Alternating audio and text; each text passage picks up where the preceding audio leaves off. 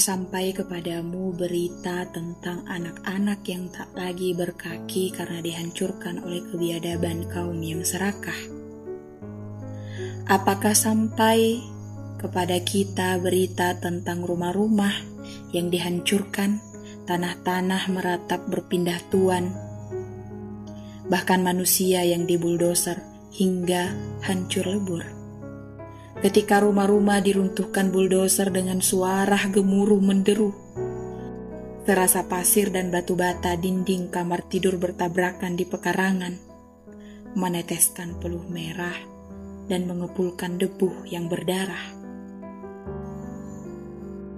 Apakah sampai kepadamu berita tentang air mata yang tumpah dan menjelma menjadi minuman sehari-hari? Tentang jadwal makan yang hanya sehari sekali?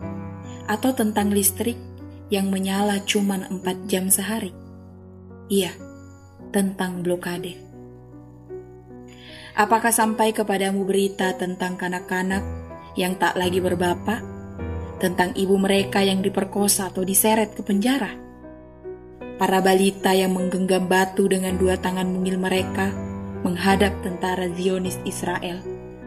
Lalu, tangan kaki mereka disayat dan dibuntungi Ketika anak-anak kecil di Gaza belasan tahun bilangan umur mereka menjawab, laras baja dengan timpukan batu dan kerikil semampunya. Lalu, dipatahkanlah pergelangan tangan dan lengannya. Siapakah yang tidak menjerit? Serasa anak-anak kita di Indonesia jua yang dizolimi mereka. Tapi, mereka para mujahid.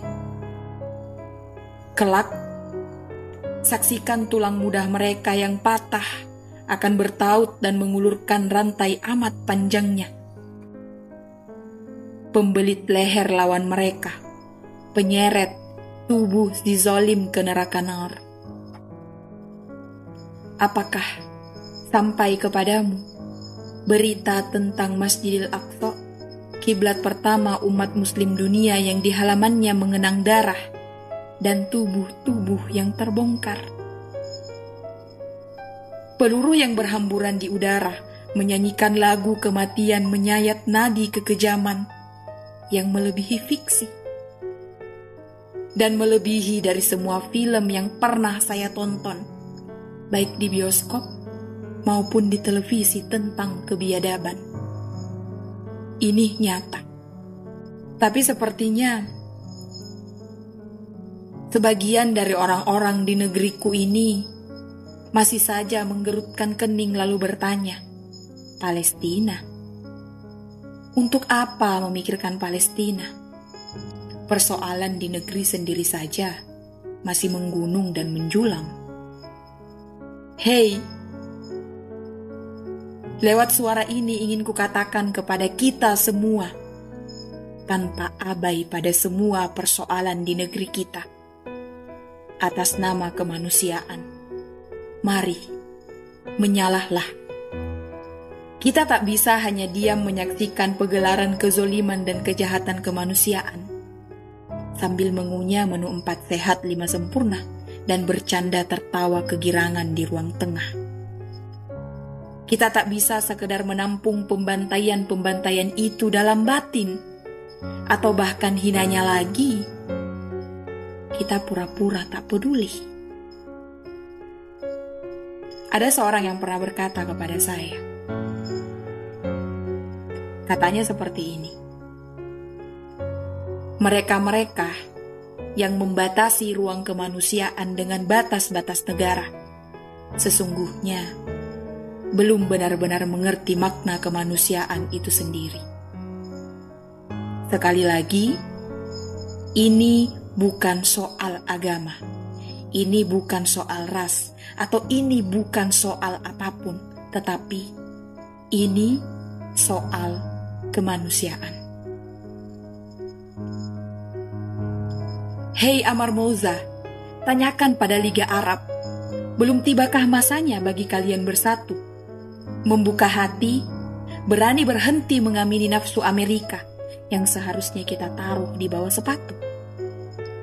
Hei Antonio Guterres, apakah perserikatan bangsa-bangsa itu nyata? Sebab tak pernah kami dengar PBB mengutuk dan memberikan sanksi pada teroris Sionis Israel yang pongah melucuti kemanusiaan dan keberadaan dari wajah dan hati dunia.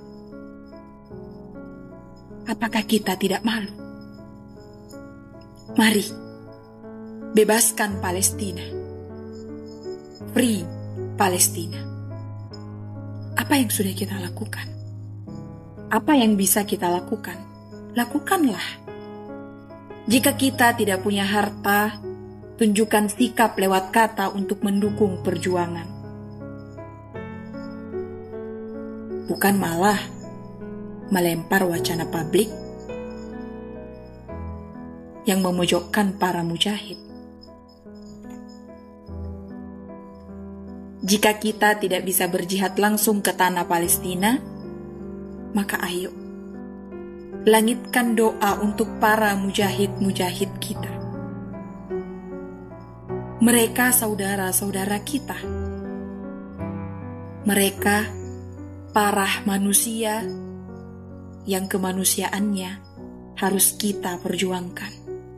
Walau jauh bila diukur kilometer, beribu-beribu bahkan. Beribu-ribu bahkan. Tapi rasanya Perih itu ada di hati ketika melihat mereka direnggut kemanusiaannya. Perih yang dirasakan, air mata yang jatuh, teriakan kesakitan juga harus kita rasakan karena kita sama-sama manusia. Mari, mari kita lawan.